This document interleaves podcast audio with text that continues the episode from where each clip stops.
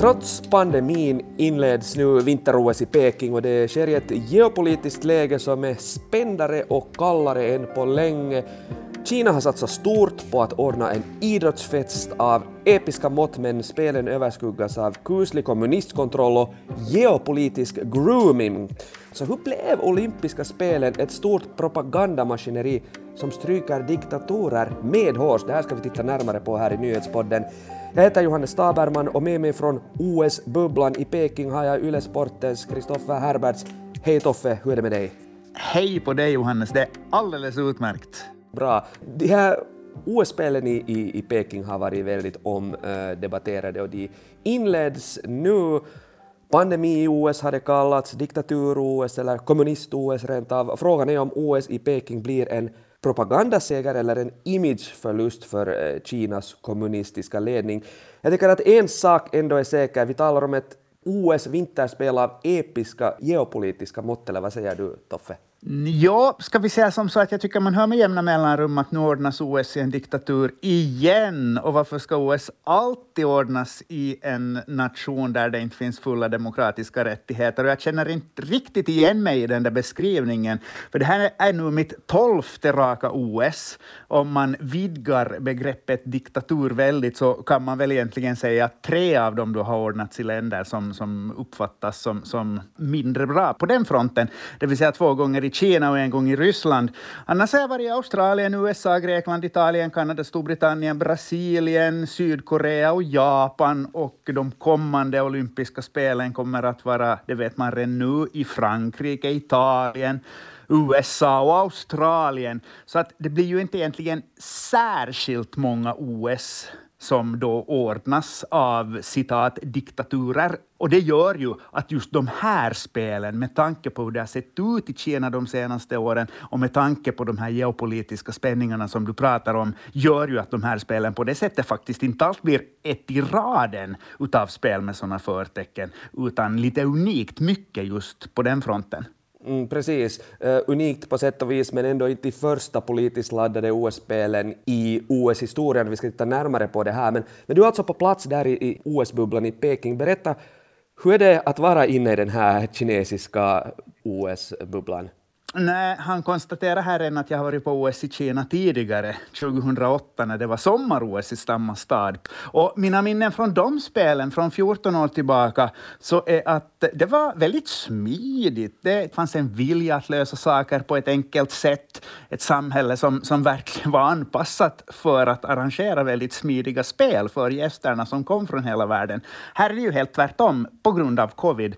Det här är, är ett land som är fullständigt lamslaget utav coronapanik, av så stark coronaskräck att ingenting egentligen funkar. Det mesta som kan göras bökigt och invecklat och svårt, så blir det också. För det är så otroligt mycket som måste kontrolleras och granskas och dubbelkollas just för att undvika covid-smittor. Så att just vad det gäller, ska vi säga, mänskliga rättigheter rättigheter, möjligheten att uttrycka sig, möjligheten att röra sig fritt och allting sånt. Så man kommer inte ens så långt för att kontrollen vad det gäller covid och corona, den är precis överallt närvarande just inom den här OS-bubblan.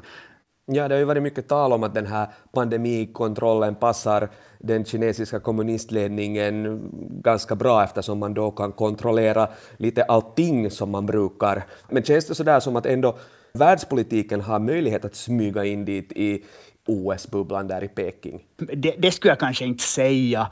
Eh, jag, jag räknar upp här alla länder som jag har gjort OS i och jag tycker inte att man märker någon skillnad vad det gäller sådär nationalism och, och politik och så mellan de här olika världarna.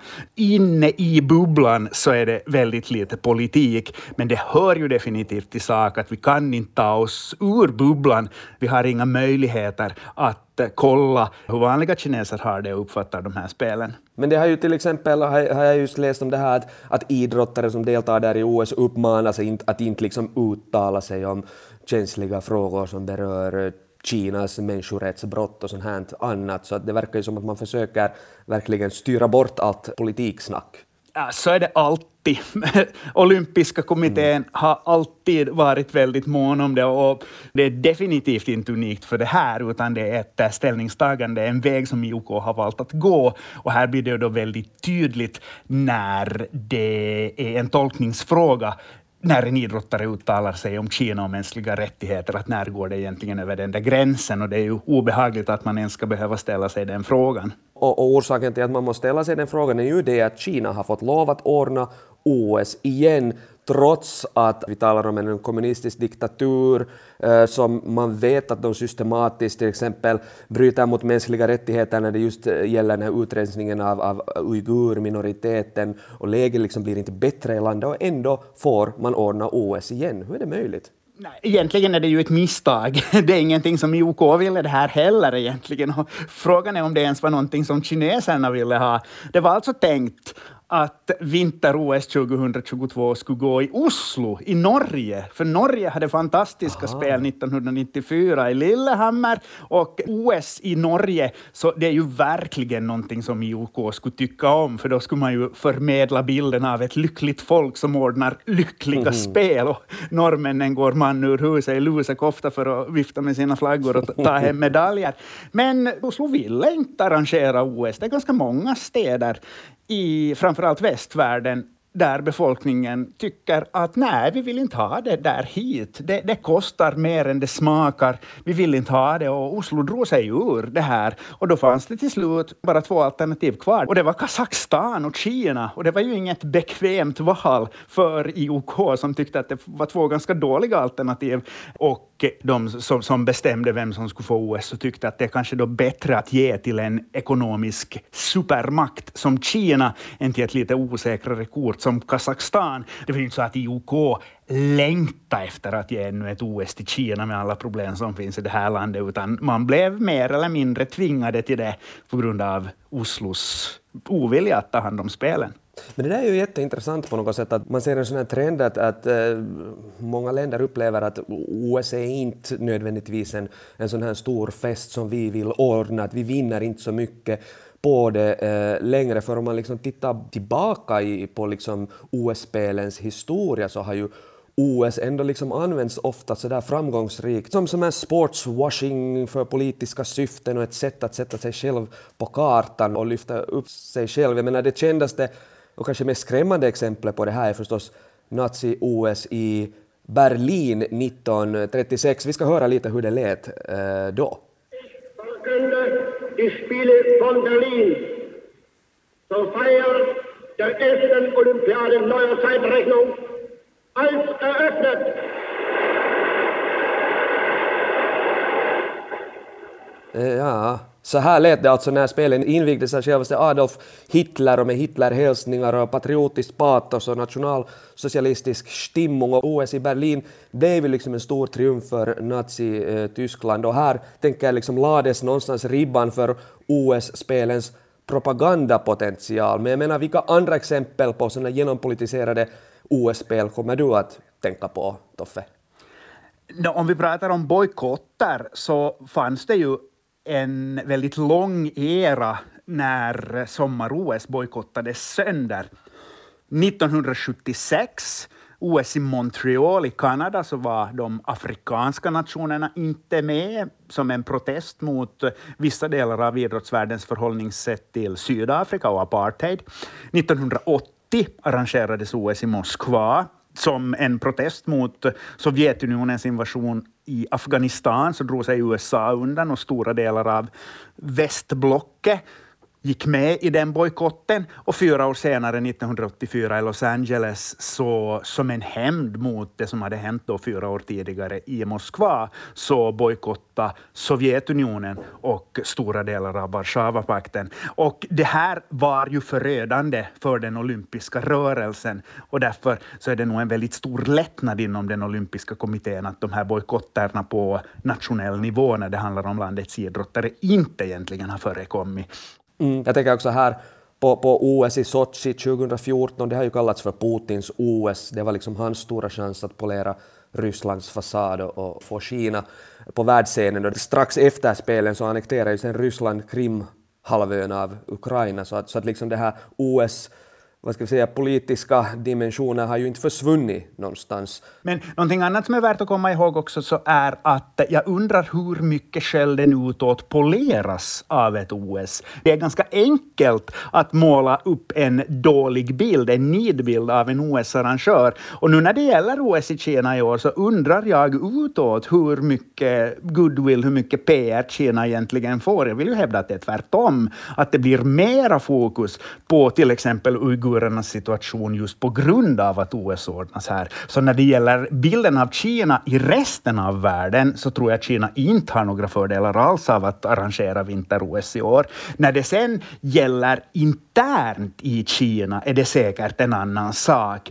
Där lyckas säkert nationens ledning åt sina medborgare förmedla att Eh, det här gick vi i land med. Vi ordnade fantastiskt effektiva och bra spel mitt under en pandemi. Och det är ju någonting som de styrande i Kina kan behöva i och med att pandemin annars har slagit ganska hårt mot Kinas ekonomi och så vidare. Så att där är det lite tudelat. Den interna bilden poleras säkert av ett OS, men Kina-bilden i resten av världen så kommer inte att framstå som något, något mer skinande efter de här spelen, oavsett hur bra arrangemangen förlöper, vågar jag påstå. Men tror du faktiskt liksom att folk har tid och lust och ork att tänka på uigurerna när man ska följa med sitt eget lands skidlöpare och, och, och, och följa med alla de här tävlingarna? Nej, det tror jag inte. Men de har tänkt mera på uigurer. Finländare i genomsnitt har tänkt mera på uigurer nu än om OS inte skulle ha ordnats i Kina. Om det skulle ha blivit OS i Norge som planerat så skulle genomsnittsfinländaren vara betydligt mindre medveten om uigurernas situation.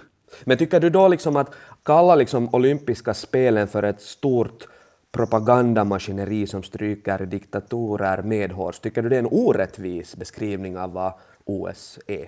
Det tycker jag. Och, och, när det handlar om Kina så tycker jag att allting är så otroligt komplext när det handlar om Kina. Jag tycker ju att, att hela världens förhållningssätt till Kina är ganska problematiskt. Om vi till exempel talar om Finland just nu så är det enkelt att tycka att Finland borde göra en diplomatisk bojkott av Kina. Man tycker att Kurvinen borde haft hårdare ordalag när han bestämde sig för att inte åka till, till Kina och inte bara skylla på karantäner. Men samtidigt så tecknar finnar nya kontrakt med Kina så sent som i höst höstas ett avtal att man kommer att flyga till fler ställen. Finländska företag etablerar sig väldigt ivrigt i Kina och uppmuntras till det.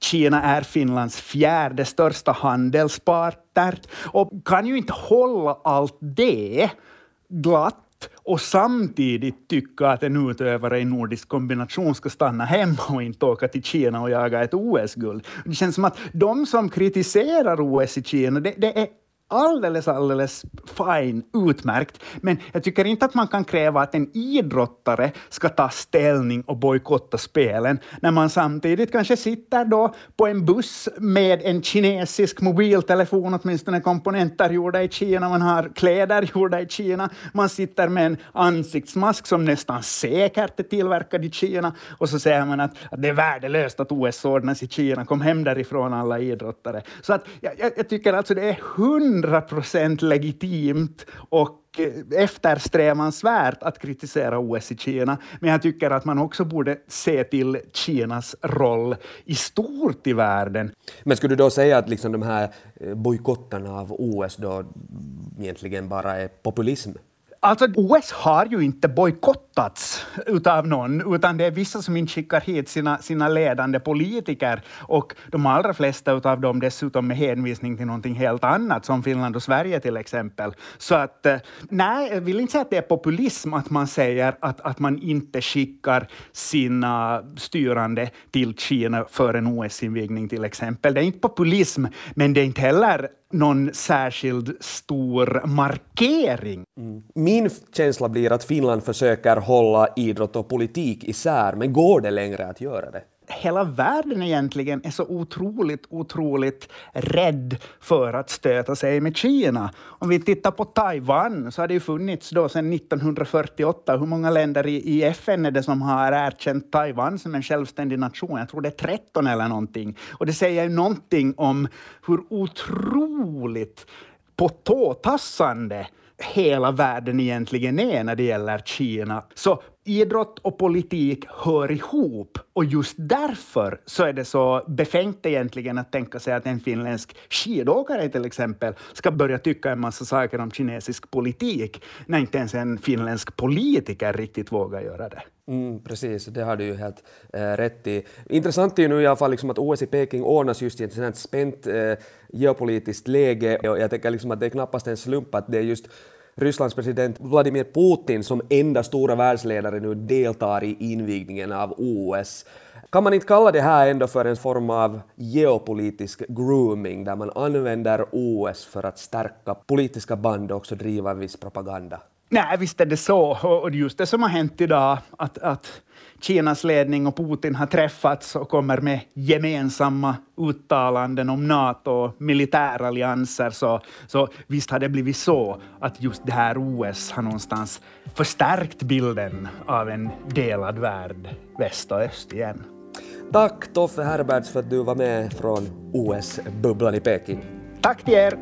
Du har lyssnat på nyhetspodden från Svenska Yle med mig Johannes Taberman, producent är Ami Lassila, tekniken sköttes av Jonny Aspelin. Fortsätt lyssna på oss.